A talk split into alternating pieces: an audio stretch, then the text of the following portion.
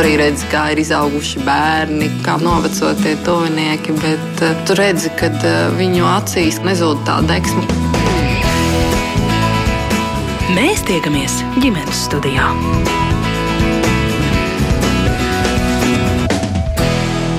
Labdien!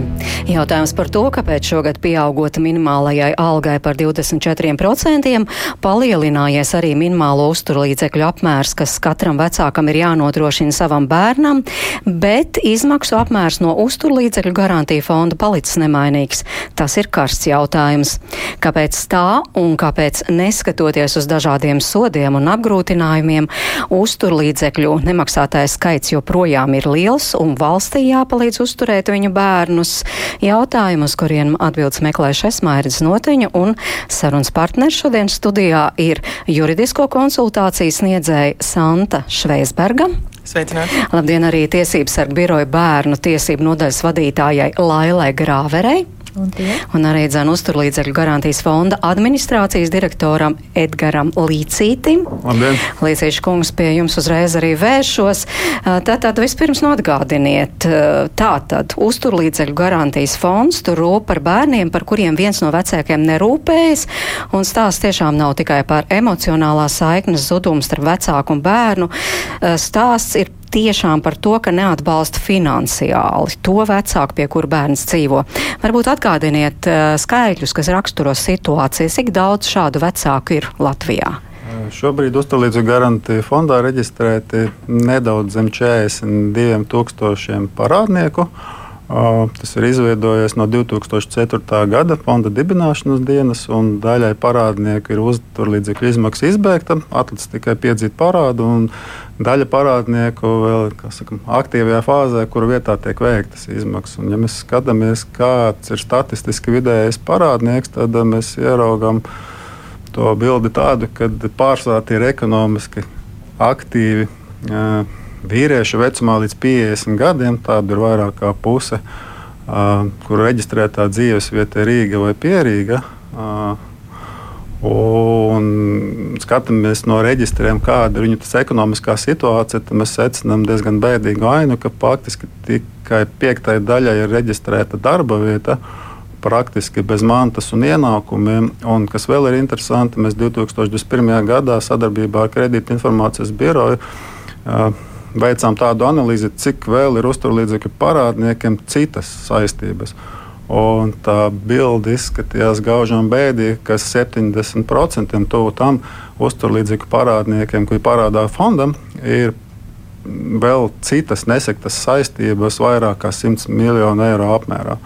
Tas, nu, tas sasaucās ar to, kāpēc šie parādnieki faktiski ir tik grūti sasniedzami, kāpēc viņi neparādās nu, kā mēs saucam, legālajā ekonomikā, un faktiski nav iespējams veikt šīs piedziņas darbības faktiski tā, tādām, kas noteikts civil procesa likumā, un attiecīgi jāpiemēro citas. Jā, papildu sankcijas. Nu, tādā gadījumā par cik bērniem tad valsts ir spiesta rūpēties? Ja mēs skatāmies decembra mēnesi, tad aktīvās izmaksas bija nedaudz virs 36 tūkstošiem bērnu. Un tas ir aptuveni nedaudz mazāk par 10% no nepilngadīgo bērnu kopskaita valstī. Valstī tas izmaksā, jo tā ir nauda, kas tiešām nāk no mūsu uh, budžeta, no valsts budžeta. Cik ja mēs, liela tā ir? Ja mēs salīdzinām pa gadiem, tad uh, pagājušā gada kopumā tika izmaksāts nu, nedaudz virs 53 miljoniem eiro uzturlīdzekļos, bet tas ir mazāk kā 2021. gadā, kad izmaksas nu, gandrīz sasniedza 56 miljonus. Un, ja mēs salīdzinām šos rādītājus nu, pēdējos trijos gados, tad ir vērojama tā tendence, ka šīs izmaksas ir samazinās. Pieteicēju skaits, kam vajag uzturlīdzekļus, eh, samazinās, un arī reģistrēto uzturlīdzekļu parādnieku skaits nav pieaudzis un ar tendenci samazināties. Nu, kaut arī samazinās, un ir kaut kāds cerības termiņš, tomēr tā summa ir grandioza. Summa kopumā izklausās grandioza, bet katram vienam bērnam, kas saņem to naudiņu, nu tā naudiņa ir, var teikt, minimumu minimums. Jā, līdz septiņiem gadiem, ko maksā valsts, ir 107 ar pusi eiro, un no septiņiem gadiem ir 129 eiro. Nu, par ko tagad arī cilvēki runā un diskutē, un reizēm tās sarunas tiešām ļoti karstas, ka lūk, šie bērni, kur saņem naudu no uzturlīdzekļu garantija fonda, kā jau jūs teicāt, vai no 107 līdz 7 gadu vecumam, un tad ir 129, bet lūk, tie, kuri saņem no otra vecāka to minimālo, nu, tomēr tas ir krietni, krietni lielāks. Tā jau ir summa līdz 7 gadu vecumam 155 eiro, un no 7 gadiem tie ir 186 eiro. Laila Grāvera, kā jūs uzskatāt, tā ir tāda netaisnība, kas izveidojusies? Nu, redziet, tā gluži nu, no vienas puses, no otras puses, ja mēs varam skatīties uz šo jautājumu. Vai valstī ir kāds pienākums stāties vecāka vietā? Pilnībā. Šāda pienākuma valstī nav. Tā ir valsts labā griba vispār izveidot šo uzturlīdzekļu fondu. Un, ja mēs skatāmies no bērna viedokļa, tad, protams, gan tiem bērniem, kuriem vecāks maksā, gan tiem bērniem, kuriem valsts maksā, viņiem vajadzības ir vienādas un būtu eh, bērnu interesēs, ka tā summa būtu vienāda. Kā arī valsts stājoties vecāku vietā, ja izmaksātu šos eh, nu, minimālo uzturlīdzekļu apmērā. Bet valstī, kas grib teikt, tāda pienākuma nav. Tā kā ja teikt, vai tas ir pārkāpums, jā, vai tas ir tiesība pārkāpums. Pārkāpuma nav, bet vai bērnu interesēs būtu eh, arī celt šo valsts maksātā uzturlīdzekļu summu, jā, tas būtu bērnu interesēs. Jo pagaidām summa ir konstanta. Vismaz 2020. gadā valsts pieņēma tādu lēmumu, ka tā tad būs šāda summa un tā nemainīsies līdzi, piemēram, minimālās algas izmaiņām. Jā, Kāpēc šo, toreiz pieņēma tādu lēmumu? Tādēļ, lai salāgotu visas budžeta vajadzības, faktiski, jo uzturlīdzību garantija fonda izmaksas tās ir tikai vienas no budžeta izdevumiem. No nu, attiecīgi to vajadzību valstī ir daudz un dažādas, un šeit ir faktiski budžeta veidošanas process, kurā visas vajadzības valstī ir jāsalāgo. Nu, Santa savā ziņā varētu teikt, valsts salāgo savas vajadzības tomēr uz bērnu rēķina. Jā, un uh, ne tikai uz bērnu rēķina, bet arī uz pārējo nodokļu maksātāju rēķina. Uh, tās ir uh, mums visiem sāp. Visādā gadījumā mums, kā valsts iedzīv, šīs valsts iedzīvotājiem, kuriem nodokļu sloks ir liels, mums ir jārēķinās, ka šajā fondā ir jābūt līdzekļiem, lai bērns varētu uzturēt. Jā, un tā. No pieredzes reāla uzturlīdzekļu apmērs ir arī krietni virs šī minimuma. Krietni virs. Un, tāda inflācija, kādu mēs esam piedzīvojuši šajā 20, 2022. gadā, tāda vēl nekad nav bijusi. 20,8%, ja nemaldos. Uh, katrs vecāks izjuta, un tā reakcija bija ļoti acīm redzama, kad uh, ja līdz šim uh, lielākoties mammas kaut kā spēja tomēr tos galus savilkt kopā, tad šis gads nāca jau drīzāk jau ar tādu izmisumu saucienu, kā lai es izdzīvoju. Un atbildi uz šo atšķirību, ko viņas var saņemt no garantija fonda un, un kas ir tie minimālie uzturlīdzekļi, šobrīd jau ir lieli. Kad uh, gribētos saņemt vismaz minimālos. Ģimenes studijas rīcībā arī ir mammas stāsts, jo tiešām gribējām arī palūkoties, nu kā tas ir dzīvē, un stāstā divu pusauģu mamma Anita. Klausāmies! Man ir 55 gadi jau, Un uh, man ir divi bērni, un vecākajiem man ir 18 decembrī palicis. Faktiski tur arī ir jautājums, kā tur tagad ar tiem uzturlīdzekļiem. Un meitiņai man ir 12. Man ir diemžēl tāda situācija, kad uh, man vīrs ir azartspēļu atkarīgs. Un līdz ar to mums tā sākotnēji mēs tur mēģinājām, ka viņš man maksāja par cik viņš dzīvoja ārzemēs un strādāja. Bet nu, tas bija ļoti neregulāri, un tāpēc es tomēr aizgāju uz uzturlīdzekļiem, jo tā vismaz man bija kaut vai mazāk, bet man bija stabili tajā mēnesī, un, un vismaz ar to es varēju plānot un rēķināties un tā tālāk. Faktiski ir tā, ka ir 258 eiro man par abiem bērniem, jo man jau ir bērni, nu, patsmitnieki. Un es tagad arī Facebookā palasījos, kad ir ļoti cilvēki sašutuši par to, ka ir šī bērnu dalīšana. Nu, pat jā, kad, teiksim, ja tas vecāks maksā, tad viņš ir spiests maksāt vairāk, par cik minimāla alga tika paaugstināta, un attiecīgi tā naudiņa ir lielāka. Un, diemžēl manā gadījumā, ko maksā valsts, tad viņš nemainīgs ir. Pieaugot visām izmaksām, nu, tas ir diezgan neforši. Jo tomēr es uzskatu, ka mani bērni arī ir nākošie nodokļu maksātāji. Nu, tā šķirot, manuprāt, tomēr nevajadzētu. Un, protams, ka es ļoti novērtēju to, ka ir vispār šāds atbalsts, jo ilgus gadus tāds nebija. Bet, pieaugot visai dārdzībai, un man vēl ir tā situācija, ka es tūlīt, tūlīt zaudēšu darbu, nu, tad es vispār nezinu, ko darīt. Un tie tomēr uz abiem bērniem ir diezgan ievērojama summa, nu, šī starpība. Ja paceltu, tad ņemtu vērā šo minimālo algu, esat parēķinājies, cik liela Jā, tur sanāk kaut kāda 57 eiro klāt. Nu, tā tomēr ir nauda. Zinot, kas notiek, ja pašlaik. Bet cilvēki sašutuši par to, ka viņi saka, ka nu, tas ir no mūsu nodokļu maksātājiem un ka vecāki nemaksā par saviem bērniem. Nu, tā, nu, tur tās polemikas ir daudz. Ja? Bet nu, es arī vēlreiz uzsveru, ka tie mani bērni tomēr būs arī tie nākošās paudzes pensiju maksātāji. Tā kā nu, tas nav gluži tā viennozīmīgi. Bet kā tad jūs šobrīd iztiekat? No kā jums iznāk atteikties? No ļoti daudz kā nāks atteikties. Alga man nav liela, man ir alga 1020 uz papīra. Bet tas ir uz trim cilvēkiem. Plus šie alimenti, jā, saucamie valsts uzturlīdzekļu garantijas fonda maksātie, tie vēl 258 eiro klāt. Faktiski tas ir arī viss, nu, bērnu nauda vēl simts. Tas ir viss mans budžets teiksim, jā, es domāju par tiem otriem darbiem un kaut kādām haltūrām, kaut ko tādu, bet, nu, ja tu esi birojā nosēdējis no tiem pusdeviņiem līdz pieciem, liekas, ka tu neko tādu fizisku neesi darījis, bet tu esi tā izpumpējies nereti vakarā, nu, ar cilvēkiem darbs. Nu, tu fiziski vairs nevari. Es esmu radošs cilvēks, jā, es daudz ko rokām daru, es mēģinu kaut kādas tādas lietas, kaut ko darīt, bet Nu, nav tas tik viennozīmīgi, un nav jau tas iespējas, teiksim, tur atkal ir nodokļu politika, un atkal ir šķēršļi, un nu, tā ir. Bet jūs teicāt, jūs esat spiesti no daudz kā atteikties, varat paraksturot, un tomēr tie ir pusauģi, kuri aug, Jā. kuriem ir uh, savas uh, vajadzības, kādas mazās. Nu, piemēram, man meita, viņai ļoti patiktu gan zirgi, gan kalnu slēpošana, jā, Un tādas lietas, nu, tad, kad bija šis uh, helikoptera nauda, es nopirku slēpes lietotas, un tā mēs braucām. Bet nu, pašlaik, diemžēl, es to nevaru. Ja? Jo nu, tas ir dārgi.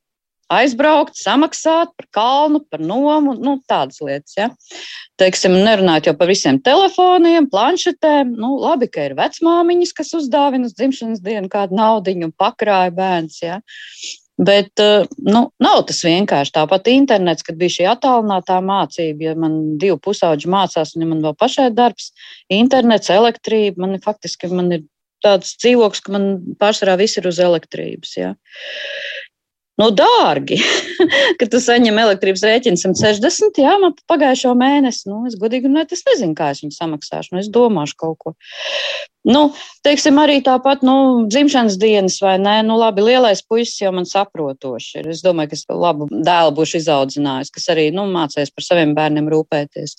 Ja tu saproti, ka mazais bērns grib kaut kur aiziet, nu, kāds mazais 12 gadnieks, ja viņš grib aiziet uz dzimšanas dienu, tur vajag dāvanu. Viņiem, nu, kā jau pusauģiem, viņi iet kaut kur uz pizzērijām, uz, uz tusiņiem, kaut kur, nu, es nevaru šo kabatas naudu iedot, nu, man ir baigi strikti jārēķina, es cenšos. Man bērns vēl iet mākslas skolā, tai arī tikko pacēla cenu. Nu tā, nu smagi. Māma pie ārstiem netiek, māma uz kino neiet, uz teātriem neiet, māma neko nevar. Nu, Tā Jā, ir mana atbildība. Vēl jau vairāk jūs teicāt, dēlam, tūlīt paliks 18. Viņam jau bija de decembrī palika 18. Jā. Bet tad jums nav vēl skaidrs, turpinās uzturlīdzekļu garantija fonds maksāt vai ne, tad jums to nav izdevies tā līdz galam noskaidrot. Es neesmu vēl tam gudīgi net pieslēgusies. Es vakar palasīju fórumā, kad uh, it kā bērnam pašam ir jāraksta, lai viņam turpina šo maksāt uz uzturlīdzekļu it kā līdz 21 gadam, jo viņš mācās tehnikumā. Tā kā kamēr mācās, nu, es to noskaidrošu. Es pieļauju, ka tā gluži nebūs, ka vispār nu, nemaksās. Jo, nu, it kā 18 gadu viņš jau vēl nestrādā. Jā, viņam ir stipendija, bet tā stipendija nu, arī nav liela. Tur no atzīmēm un tā, un, un vēl dala tur uz lielu vairumu cilvēku. Tā. Nu tā, nu, protams, nu, tu tur nevari neko tur baigi atļauties. drēbes ar tu skaties, protams, uz izpārdošanām, un tam jaunietim jau gribas. Nu, kad vēl, ja ne tagad? Māma var staigāt maksimas vai humpalās, ja? bet nu, tam bērnam jau gribas. Jā, mums arī atvērtāka tā sabiedrība, un mēs neesam varbūt tik, kā bija manā jaunībā, ka tā skatījās ļoti uz tām brendiem, un tā tas tagad ir pierasts jau, vai ne, ka ir tie brendi un tā. Bet tāpat jau bērni, nu, jūt jau, vai ne, ka tas viens ir nu, situētāks un, un, un otrs nav. Tā kā, nu jā, Nu, gribas jau viņiem tomēr dot to. Tāpat nerunājot jau par ceļojumiem, ka liela daļa klases visur brauc. Nu, mēs nevaram. Tā mm. ir. Tāds lūk, Anitas stāsts. Tātad Anita ir divu pusauģu māma. Es gribēju vēl īsi piebildīt, pirms mēs sākam komentēt to Anita stāstīja, to par 18 gadniekiem ieskanējās. Nu, vismaz tādā ziņā Anitai droši vien var sirds būt mierīgi, jo viņas dēls turpina mācīties, tātad nepārtrūks līdzekļu no uzturu līdzekļu garantiju fonda. Jā, izmaksas ir paredzētas no 18 līdz 21 gadam un nosacījumi, ja pilngadīgais turpina mācības vidējā izglītībā. Un kā tas praksē būs, mēs izbeigsim izmaksu mammai un savukārt savukārt pilngadniekam pašam būs jāvēršas ar iesniegumu fonda administrāciju, un tad faktiski jau notiks izmaksa tālāk. Tātad pilngadniekam tomēr jāiet un jāpasaka, jā, lūk, es turpinu mācīties. Bet klausoties šo Anītas stāstu, kā jūs teiktu, Santa, tāds tipisks uh, solo vecāks stāsts vai tiešām, nu, salīdzinoši tāda ekstrēma situācija? Gribētu teikt tipisks, absolūti tipisks. Um, un, um, vēl Anitai nāk klāta tā situācija, kad nestoties to, ka viņa varētu izmantot eh, iespēju, jo piedzīt uzturlīdzekļus caur tiesu, viņai būtu bez maksas. To atbildētu tēvs.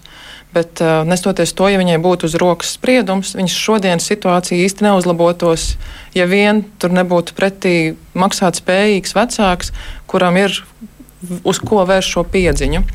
Bet uh, tik un tā es gribētu aicināt uh, visus vecākus nevilcināties. Pieņemsim, šobrīd ir uh, janvāris.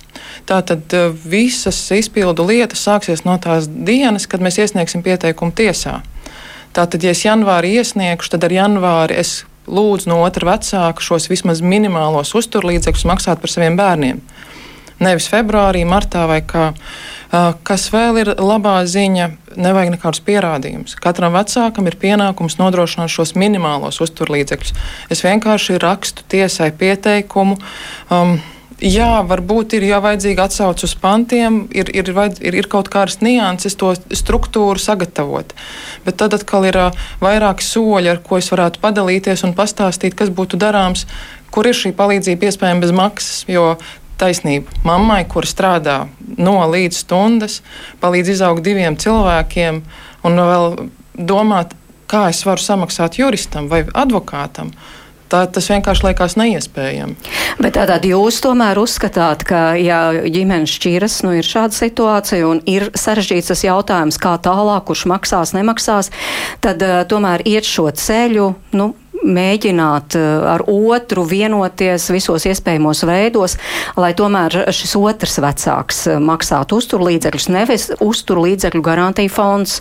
Jā. Tā es saprotu, ka tas būtu viens risinājums. Jā, tā ir taisnība, jo uh, atmetīsim uh, likumos rakstītos pienākumus. Nu, divi vecāki radīja vienu, otru, trešo bērnu. Neskatīsimies, kas notika viņu attiecībās, kāpēc tas tā notikās. Tie pienākumi un tās saistības un atbildības sākās jau no tā mirkļa. Mēs bijām tajā mirklī kopā, un re, kur ir radusies jauna dzīvība, mēs kā vecāki esam atbildīgi, neatkarīgi no tā, kādā dzīves situācijā mēs šobrīd esam.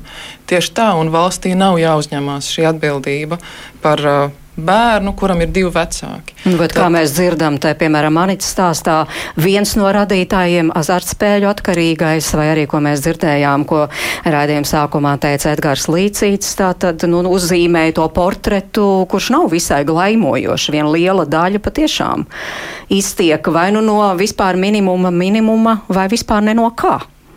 Tā ir, diemžēl. Laila. Piebilst, jā, vēl svarīgi niansants teiktajam, ka uzturlīdzekļus nevar piedzīt ar atpakaļējošu datumu. Tā kā ja atliek un atliek, un domā, nu tad pa visiem astoņiem gadiem vai pa pieciem gadiem, ja pieprasīšu, ko nesaņēmu, tā, tā nevar. Ja to likums neparedz no tās dienas, kad iesniedz pieteikumu vai fondā vai tiesā, no tā brīža tikai uz priekšu būs šie uzturlīdzekļi. Tā kā neatlikt, ja ir tāda situācija, tiešām izmantot visas veids, ja var piedzīt, protams, no vecāka, jo tas ir vecāka pienākums. Ja ne, tad uh, lūgt uzturlīdzekļu garantiju fondam, bet bērnam ir jāsaņem tas, lai viņa attīstībai nu, nekā netrūktu. Bet kā mēs dzirdējām, tomēr ļoti daudz Latvijā šādu bērnu, kur saņem tomēr no uzturlīdzekļu garantiju fonda. Tātad nevis otrs vecāks maksā, bet valsts maksā, un tie ir vairāk nekā 30 tūkstoši bērnu.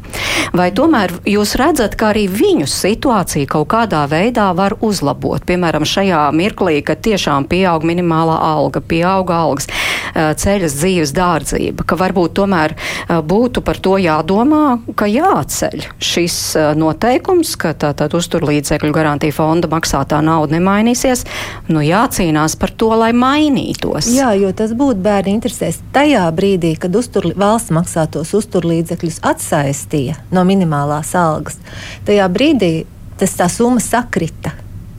Līdz ar to nebija nekādu nu, protestu vai nu, nebija izteikti tas. Ja, jo tā summa sakrita tajā laikā, kad noteica šo konstanto summu, kādā tagad maksā.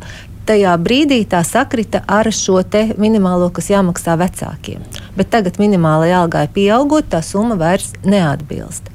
Bet tā nav pirmā reize, kad šāda situācija Latvijā ir. Tā ir Gribu teikt, trešā reize, ja, ja nekļūdos, tas bija 2010. gads aptuveni, ja tad samazināja Latvijas vēl tas bija. Un to, toreiz kāda uzturlīdzekļa saņēmēja šo lēmumu apstrīdēja satversmes tiesā, un to ir arī vērtējusi satversmes tiesa un teikusi, jā, ir tiesiskā paļāvība, ka būs šāda valsts maksāt uzturlīdzekļi. Tas ir sociālās drošības sistēmas sastāvdaļa, bet nav tiesiskā paļāvība, ka tā summa būs nu, tieši tāda, ja, ka valsts var samazināt, nu, ja tam ir racionāli apsvērumi. Bet šobrīd nu, tā dzīves dārdzība ir tā pieaugusi kā nekad agrāk. Ja šobrīd mums ir lielākā inflācija vispār starp Eiropas valstīm. Un ņemot vērā to, ka tā dzīves dārdzība ir tik ļoti pieaugusi un energoresursi un viss, nu, tik, tik grūti ir ģimenei savilkt galus kopā ja, un samaksāt rēķinus. Šoreiz būtu valdībai jālem bērnu interesēs vai nu piesaistīt atpakaļ minimāliem uzturlīdzekļiem, nu kaut vai indeksēt šo summu, kaut vai e, nedaudz paaugstināt. Ja, jo mēs nevaram šobrīd atstājot tajā kur 20. gada, ja, 20. 20. gada, ja, 2020. Gadā, gadā pieņēma šo summu, kura ir konstanta jau trīs gadus. Summu, jā, un trešais gads, un tā, tā dzīves situācija ir mainījusies. Iespējams, ja būtu tāda, kā bija tad, kad to pieņēma. Bet nu, situācija ir būtiski mainījusies, jo ģimenei ir grūtāk uzturēt bērnus un samaksāt rēķinus. Šobrīd būtu tas brīdis, kad domāt, ko darīt. Vai piesaistīt atpakaļ minimāliem uzturlīdzekļiem, vai varbūt kaut vai šo summu ne, nu, pacelt, lai tā summa arī paaugstinātos reizē ar to dzīves dārdzību. Līdzīgs kungs, jūs zināt visus šos uh, likumu došanas līkločus. Kā to vispār būtu iespējams panākt? Nu, piemēram, kāds varētu būt tāds ceļš, ja būtu kāds, kurš uzņemtos iniciatīvu un rosinātu nu, šo? Tikai kontekstā ar visām budžeta vajadzībām. Tas nozīmē, šajā brīdī, tā, kad tiek veidots budžets, budžets, kur tiek skatīts visas jomas, gan drošība, gan izglītība, gan veselība. Tā skaitā arī sociālais nodrošinājums. Tas ir tas brīdis, kad to var izdarīt. Bet mēs jau šobrīd dzirdam publiskajā telpā, ka tās valsts vajadzības ir krietni, krietni nu, lielākas kā fiskālā telpa. Mm -hmm. Santa, jūs tomēr turat rokas pulsē, ja? daudz ar šīm uh, solo vecākiem kontaktējoties. Uh, būtu tik jau sakāpināts tās emocijas, ka par šo varētu um, Mēs... ne tikai spriest sociālajos tīklos, uh, bet arī meklēt tiešām reālus uh, risinājumus un izmaiņas. Jo, ja mēs dzirdējām, ko Līsīs kungs teica, 36,000 bērnu patiesībā tiek pakļauti nabadzības riskam. Tā summa ir tāda, ka uh, varbūt tā mamma varēs to mēnesi varbūt pārtiku nodrošināt, bet kas notiks pēc trim mēnešiem, nesamaksājot elektrību, dzīvokļu rēķinu? Nu, viņš, viņš šobrīd ir ļoti bīstama situācija par, par lielu lielu bērnu grupu, par iedzīvotāju grupu. Ir sevišķi, ja tās ir mammas, kuras strādā. Nu kā, kā tad viņas vēl šo situāciju pašas var mainīt savās rokās? Es domāju, ka ir diezgan, diezgan kritiska situācija.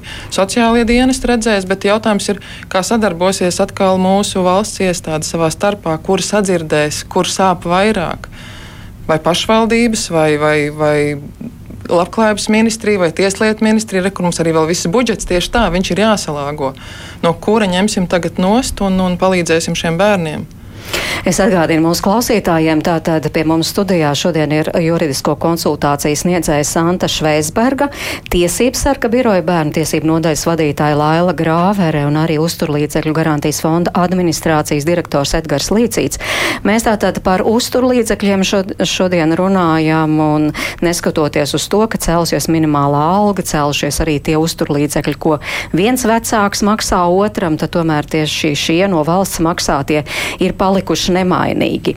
Es atgādinu arī klausītājiem, ka varat iesaistīties mūsu sarunā un paldies par tiem, kuri, kuri jau rakstā, bet īpaši aicināti tiešām uh, iesaistīties. Uh, tēti, jo tētu viedoklis, nu, reti tiek uzklausīts. Arī mēs šai sarunai gribējām kādu tēti iesaistīt, bet nu, mums neizdevās. Tā kā rakstiet lūdzu, bet uh, varbūt, ka ir otrs ceļš, kā meklēt šos uztur līdzekļus, lai tos varētu paaugst, pa, nu, paaugstināt bērniem, proti uh, tiešām samazināt to parādnieku skaitu.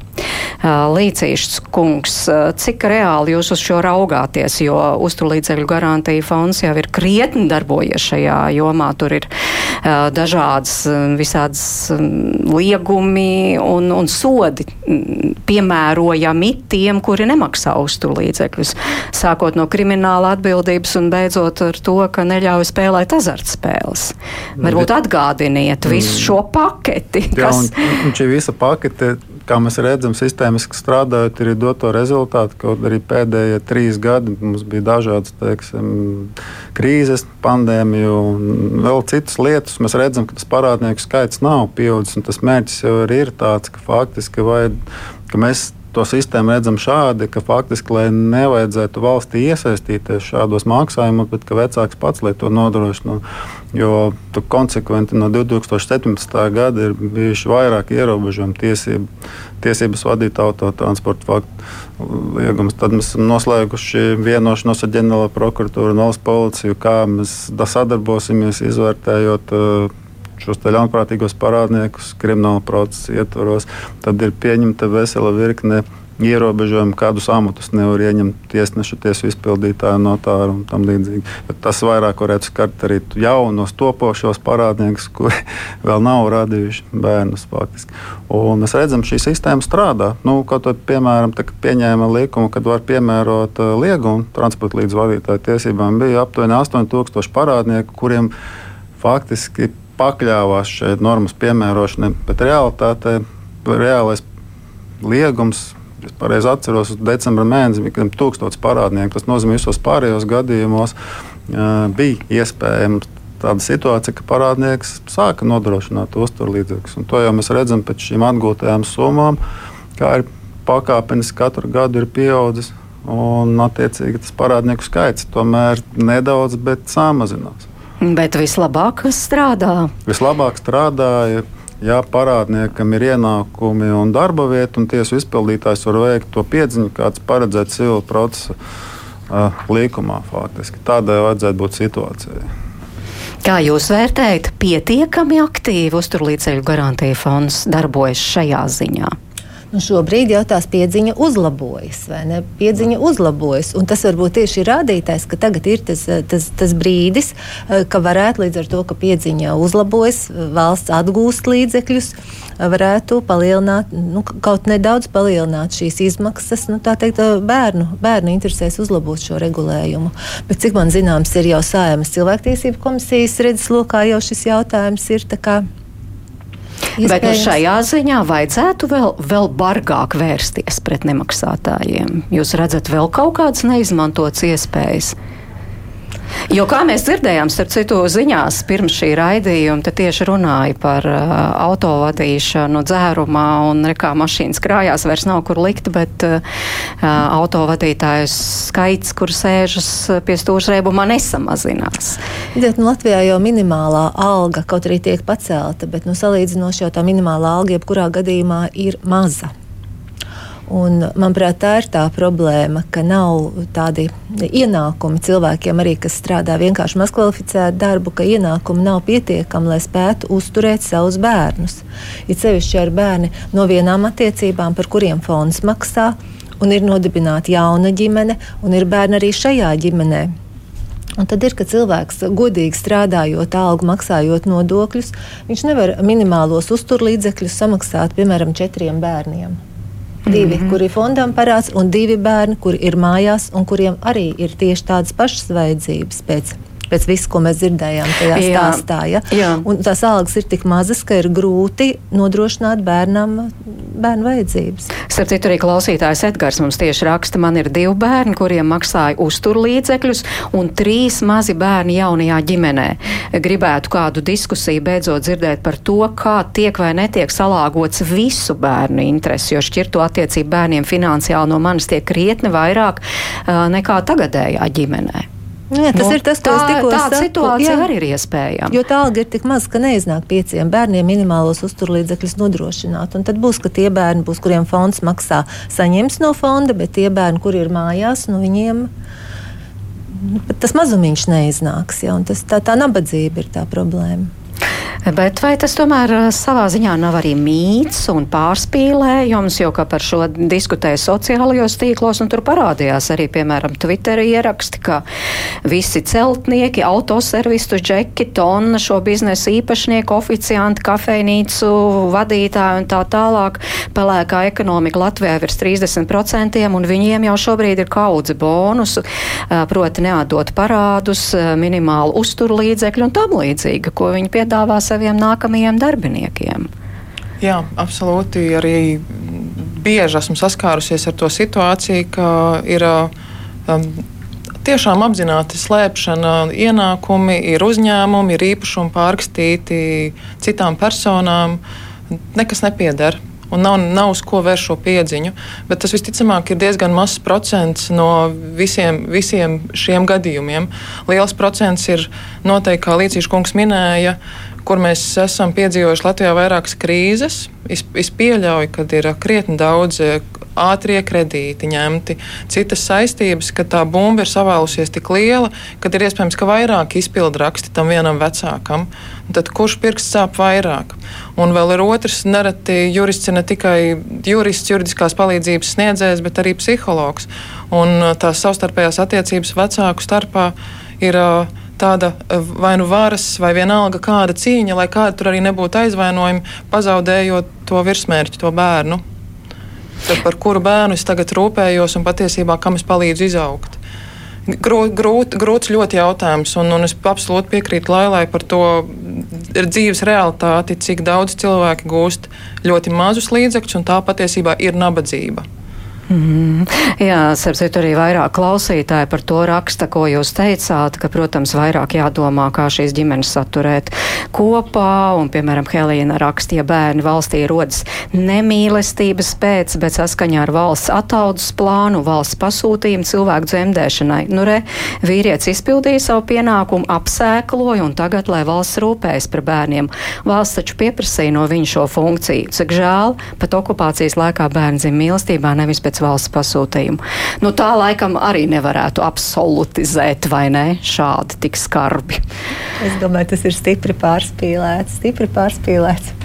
Zinu, ja kādam jautātu, vai bērns ir dzimis pēc, tāpēc, ka ir tautas attaudzes plāns, ļoti šaubos, vai mēs tādu ģimeni atrastu.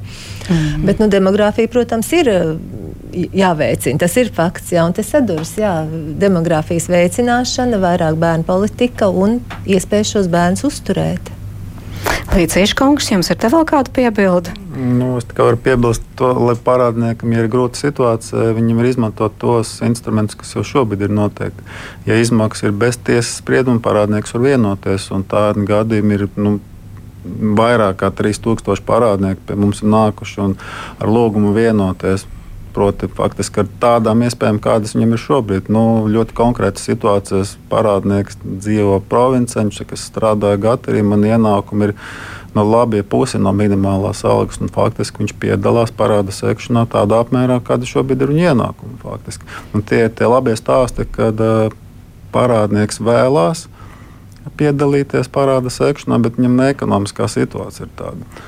Bet varbūt arī jāmaina tiešām tā attieksme pret parādnieku. Nevis tikai nu, nu, nu, milzīgs sots, bet arī šī saruna, kā jūs sakāt. Jā, un tāpēc jau ir likumā ir iestrādāti gan pātagas, gan burkāna princips faktiski. Ja nestrādā burkāna princips, tad tiek pātagas princips piemērots. Nu, bet tas, ka kas te ieskanējās, un tomēr mēs visi zinām, ka mums ir tā pelēkā ekonomikas zona, tāda diezgan pamatīga. Jūs spējat, raugoties no, no savas skatu punkta, tomēr atsijāt, nu, kuri tad ir tie, kuri tiešām nespēja samaksāt, un, un tie patiešām ir objektīvi apstākļi no tiem, kuri vienkārši ērti izvairās. Šobrīd mēs redzam tā sistēma kā strādā. Tur skaidro redzams, kur parādnieki ir ēna ekonomikā vai nav. Faktiski, jebkurš parāds, kas netiek labprātīgi pildīts, tiek nodots tiesu izpildītājiem. Tajā brīdī, kad sāk strādāt tiesu izpildītājs, apķīlā kontus, tad vienai daļai parādnieku uzreiz atrodas līdzekļi, viņi nāk uz kontaktu, grib noslēgt vienošanos. Savukārt tad, ja nestrādā šis mehānisms pie tiesu izpildītāja, jo parādnieku nekā nav, tad mēs skatāmies, vai viņam ir tiesības vai nav tiesības. Un arī šajā posmā, tad, kad sākam šo liegumu piemērošanas procedūru, arī atrodas parādnieki, kuri nāk uz kontaktu. Un tā mēs ejam solīt pa solītam uz smagāko līdz pat ar iesniegumu policijā, un arī tur uzrādās faktiski parādniekam līdzekļi un ienākumi, ko maksāt. Un šādā veidā mēs jau aizķeram tos parādniekus, kuri ir ir ekonomiski aktīvi, bet strādā ēnu ekonomikā. Bet, protams, visi parādnieki nav vienādi. Ir arī dažādi parādnieki, arī sociāli degradētas personas un dažādas faktiski. Un nu, mm. kuri pat fiziski nespēja.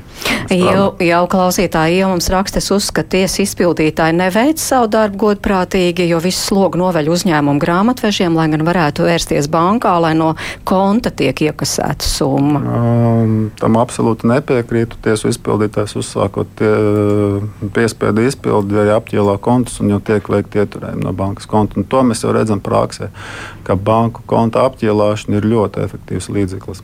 Ja. Bet cik jūsuprāt svarīgs tomēr ir tas sabiedrības kopējais viedoklis un noskaņojums šajā uh, jautājumā? Jo vieni ir, piemēram, arī, jo arī visa sabiedrība jau var ietekmēt, arī tie pārējie, nu, kuri nav šajā situācijā, kā tā lieta virzīsies tā vai šitā, jo tu vari būt uzņēmējs, kurš varbūt ieskatās un pirms pieņem darbā cilvēku pārbaudu, vai viņš nav parādnieks un tikai tad saka jā vai nē, vai arī otrs uzņēmējs, kurš, piemēram, pasaka jā, nu, re, tas būs tavs bonus. Kāds vispār ir tas pārējās sabiedrības noskaņojums, jūsuprāt, Sanda? Um. Gribētu teikt, ka uh, sabiedrībai, uh, nu, ko mēs sagaidām no iedzīvotāja, nu, kad viņš ir sociāli, ekonomiski aktīvs, uh, gūst ienākumus, maksā nodokļus, uh, zina savas tiesības, pilda pienākumus. Un, un tāpat laikā, tad, tad, kad tā situācija ir samilzusi, mēs redzam, ka nu, kāds padodas. Bet uh, ir iztrūkts tas posms, kad es esmu vērsies, risinājis, gājis vienoties. Uh, um, konstatējis situāciju, kad šo es nevaru samaksāt. Tā aktīvā darbība no katra. Tā ir ļoti liela atbildība. Es nezinu, no, no kura, kura vecuma posma šis būtu jāmāca, bet, bet lai izaugtu cilvēks, kurš saprot, ka no manis, manas rīcības viss ir atkarīgs un es varu ietekmēt. Otra lieta šī tēma ir ļoti svarīga, tāpēc, ka mēs runājam par naudu. Mēs runājam par to, ka mēs dienas dienā ēdam, mēs dienas dienā mums ir vajadzīgs siltums, mājoklis, apģērbs un tā tālāk. Ir, šis ir runājums ļoti nopietni visos līmeņos. Nu, re, mūsu, piemēram, klausītāja Lelde ir gatava uz aktuālu, nu, tādu aktīvu rīcību, un uh, viņa raksta tā ar bērnu tēvu oficiāli neesmu šķīrusies, un bērni skaitās abu aprūpē, bet faktiski tēvs ir atkarīgais, kurš vispār neko nemaksā, finansiāli par bērniem nerūpējas. Visu dzīvošanas, ēšanas izdevumus sedz mamma. Vai drīkst tādu tēvu iesniegt uz uzturlīdzekļiem, kas it kā ir, bet faktiski nerūpējas, kas nepieciešams, lai to pierādītu. Eh, pēc pēdējiem apkurs rēķiniem es saprotu, ka vienu vairs nevaru. Tā ir rakstura. Man, man, man tā atbildi, atbildi ir laikam gan arī skaudra. Redz, kā ir bērns ir eh, neaizsargāts. Eh, par viņu rūpējās vecāki. Mums ir cilvēks, bērns vispār ir be, bezpalīdzīgs ļoti ilgi. Un tajā brīdī, kad diemžēl ir tikai viena mamma, kas rūpējās, kā lai iedrošina tās mammas, tā tad arī viņas atbildība ir tomēr iestāties vai nu par to tēti kāds novilks robežas, vai tēti kāds pabakstīs no zvērnā tiesu izpildītāja puses, nu tā tad tai mammai ir jārīkojās. Es priecājos, ka viņa saka, es esmu aktīva, ir jārīkojās. Bet tā rīkošanās... Tas nav viņas ne kauns, ne pazemojums, ne arī, nu, tā kā, es tā, man it kā, nu, tā kā bērniem tēvs ir, bet kāpēc es tagad nu, kaut ko darīšu? Bet viņai vienā brīdī vairs nebūs spēka. Nu, viņa, viņa ir vienīgā šobrīd, kas uztur divus bērnus. Viņa arī var izdegt. Bet tā rīkošanās, kā jūs jau teicāt, tā tad uh, visu Viss, ja dokumentēt, nav, vākt ja šobrīd, čekus, jā, iet jā. Uh, uz attiecīgajām iestādēm. Un tas laikam šobrīd vairs nav ne tik sarežģīti, ne tik pazemojoši, ne tik ilgstoši. Es tiešām gribētu teikt, zvanam, runājam, uztaisam šo e-parakstu, kas ir bez maksas. Ja mēs dzīvojam tālāk no Rīgas un tieši tā, pus Latvijas iedzīvotāji dzīvo ārpus Rīgas. Mēs varam šīs iestādes sasniegt caur Latviju.CLV. Um, Bāriņtiesā vienam vismaz loceklim ir jābūt ar juridisko izglītību. Tātad mēs varam aiziet parunāties. Mums neviens naudu neprasīs. Mums būs martā notāru dienas. Piesakāmies uz bezmaksas konsultāciju, zvērnāt advokātu dienu laikā. Arī varam kādu advokātu uzrunāt. Tātad darām tiešām darām, bet no, no tās šo brīža skatu punkta man ir jāzina, cik bērni maksā. Tieši tik vienkārši un tieši tik sarežģīti. Es es uzskaitu šos izdevumus, es viņus pierakstu, un tiesa jau vērtēs ne jau tikai to, kas ir bankas izdrukā. Skaidrs, ka es aizgāju uz tirgu un es nopirku tos kartupeļus ar, ar skaidru naudu, bet es viņus pierakstu. Es tajā dienā savā kladītē ierakstīju, ka es samaksāju 2,43 par šo pirkumu, un tie ir tie bērnu izdevumi. Tā es viņus turpinu pierakstīt. Arī, arī no kaimiņiem nopirktie ziemas, ziemas zābaciņi. Mm -hmm. Tiesības sarga biroja redzējumā. Tas jau tiešām ir tik vienkārši un ne, nepazemo tur nevienu tas cilvēku. Ir vien, tas ir vienkārši, un vēl jau tā tiesa praksa ir attīstījusies tā, ka tā čeku vākšana jau pat vairs nav vajadzīga. Ja, vismaz, ja prasa minimālos uzturlīdzekļus, nekas nav jāpierāda, jo tas arī tiesa praksa ir tāda, ka tas tiek uzskatīts par vispār zināmu faktu, ka bērns uh, prasa nu, līdzekļus. Tā kā lai prasītu minimālos, pat nekāda pierādījuma nav vajadzīga. Ivo mums raksta, maksāja bērniem uzturlīdzekļus, bet reālajā dzīvē abas meitas dzīvo pie manis. Taisnīgi, ja iešu uz strīdu, māma visticamāk panāks sev izdevīgu spriedumu, un meitas es neredzēšu vispār. Tas ir uh, liels, uh, liels uh, un, un sāpīgs. Uh, um, strīdu sābols ļoti daudzās situācijās, ka notiek šī manipulācija. Uh, un, un, un vecāki izvēlās mīļā miera labad. Um, tā tad es uzturu, es, es rūpējos un es nestrīdos. Un vēl bet, maksāju uzturu līdzekļus. Bet, bet, Tā tad atgriežamies pie tā, ka uh, abiem vecākiem ir vienādas, vienlīdz tiesības tikties ar saviem bērniem, viņus audzināt. Tikai tad otrs vecāks var atņemt, un tad ne, tas arī nav viņš, bet tas ir tikai tiesas lēmums. Uh, ja gadienā ir kaut kāds apdraudējums bērnu veselībai, drošībai, labklājībai, tas nebūs šis strīds starp vecākiem tiesā. Nebeigsies uh, ar to, ka es tev atņemu aiz dusmām vai, vai, vai kādu citu iemeslu pēc. Tur jābūt ļoti nopietnam pamatam. Ja puses savā starpā nevar vienoties, ir mums iespēja uz mediāciju, un pie tam vēl joprojām ir atjaunots, ka ir piecas reizes vecāki ģimenes lietu strīdos var izmantot mediātoru pakalpojumus bez maksas. Um, ja tur nekas nesanāk, mēs esam tiesā.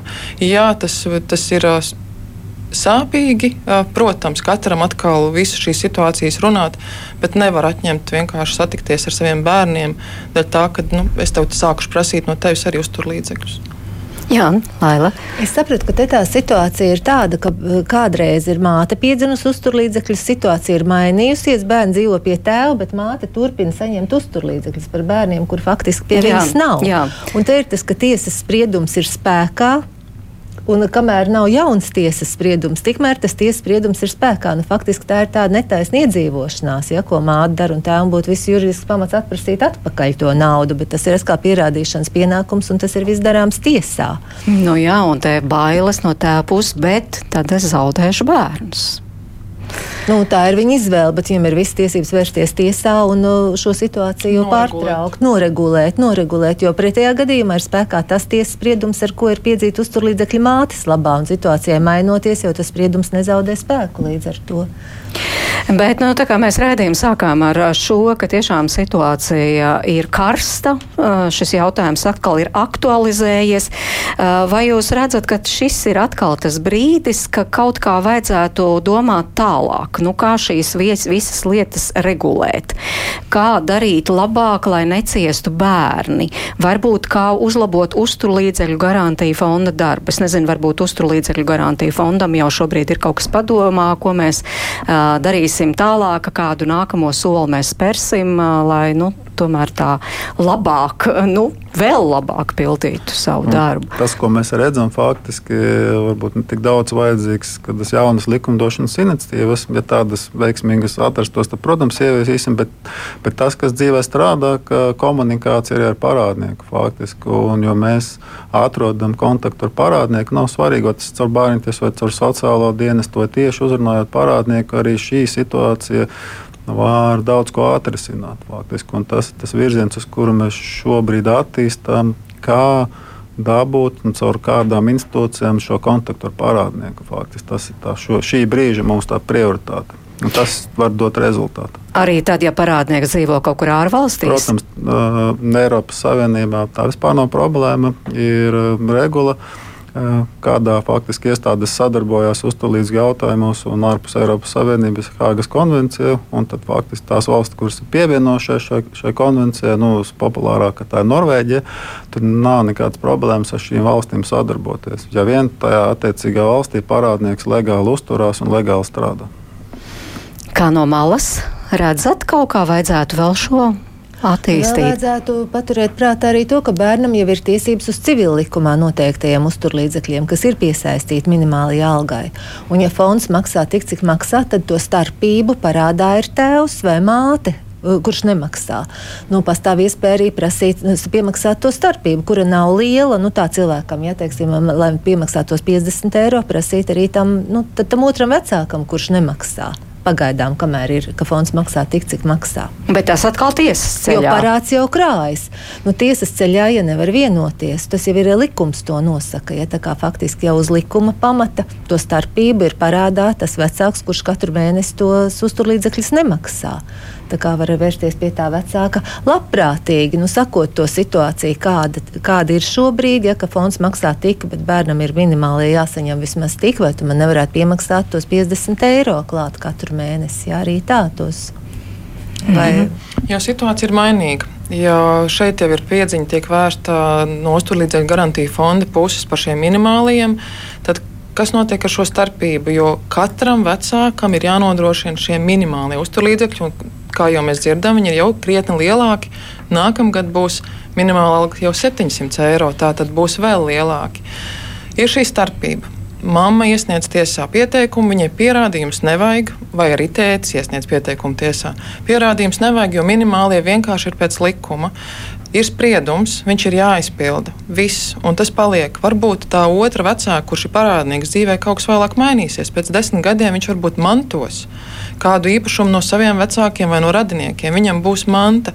Tātad tam bērnam kaut kādā veidā varbūt dzīvē atnāks atpakaļ šis atlīdzinājums tai mammai vai tam tētim.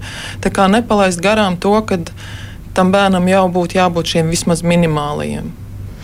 Jā, un vēl klausītāji komentē mūsu sarunu, nu, piemēram, kāds anonīms klausītājs rakstā vien liekas, ka cīnamies ar sekām, vai kāds ir pajautājis, kam dēļ izjūg ģimenes.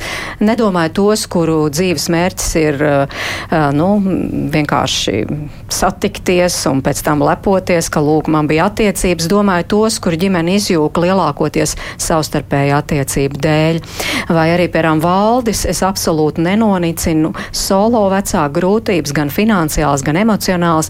Tomēr, klausoties raidījumu, secinu, ka mūsu pilnajā ģimenē, kurā abi, abi vecāki strādā, problēmas jau nav savādākas. Vai lielais jautājums tomēr nav par to, ka ierīnas cilvēkam vienkārši ir maz naudas? Tika izteikts, ka bērnam jānodrošina viss iespējamais Vai valstī nebūtu jāpadomā par to, kādā veidā nodrošināt bērniem visu, vai nevajadzētu uh, 0% pievienotās vērtības nodoklim visām ar bērnu saistītajām lietām, vai nevajag minimālo skolas lietu komplektu 1. septembrī, vai nevajag bērnu naudu neapliekamā minimuma līmenī un tam līdzīgi. Laila Grāvere. Es pilnīgi piekrītu. Tev ir tas, ko es sākumā teicu, ka tā problēma ir nabadzība. Tai, tai spējai vai nespējai samaksāt uzturlīdzekļus, bet nu, nevarētu teikt arī, ka valsts nedara. Jo tikko bija šī ģimenes valsts pabalsta reforma, kur jau nu, ievērojami ģimenes valsts pabalsts ir paaugstināts atkarībā no ģimenei nu, audzināmo bērnu skaita. Ja. Turklāt viens vecāks var saņemt, ja ir nu, teiksim, laulātajiem vienam divi bērni, otram viens bērns. Eh, viens laulātais var saņemt pa visiem bērniem, lai atkal tā summa ir lielāka. Tā kā pamazām tiek darīts tiešām, lai uzlabotu ģimeņa materiālo stāvokli. Arī minimālā alga ir paaugstināta. Bet nu, tā gluži, gluži es negribētu piekrist, ka valstī ir gluži jāstājas vecāku vietā. Tā nav. Tas tomēr ir vecāku pienākums uzturēt, audzināt bērnus, bet valstī būtu jārada tie apstākļi, lai arī dzīvojot Latvijā, var nopelnīt tā godīgi strādājot, ka bērnu var uzturēt un bērnu vajadzības nodrošināt. Tā būtu jābūt. Paldies! Es saku mūsu šīs dienas viesiem, juridisko konsultāciju sniedzējai Santai Šveisbergai, Tiesības sarga biroja bērnu tiesību nodaļas vadītājai Lailai Grāverei un uzturlīdzekļu garantijas fonda administrācijas direktoram Edgaram Līcītim. Paldies jums, ka klausījāties raidījuma producenta Ielas Zvaigznes, Mairits Notiņa bija pie mikrofona. Un, nu jā, sekosim līdzi tiešām tāds aktuāls jautājums, un var jau būt, ka kāda dzirksts eh, no šī karstā temata būs izšķīlusies. Rīt tiekamies, kā vienmēr, 5 minūtes pār diviem, un mēs runāsim, vai var piekrist apgalvojumam, ka pirmklasnieku valodas prasme un lasīt prasme būtiski pasliktinās un kā situāciju uzlabot. Tiekamies! Visu labu!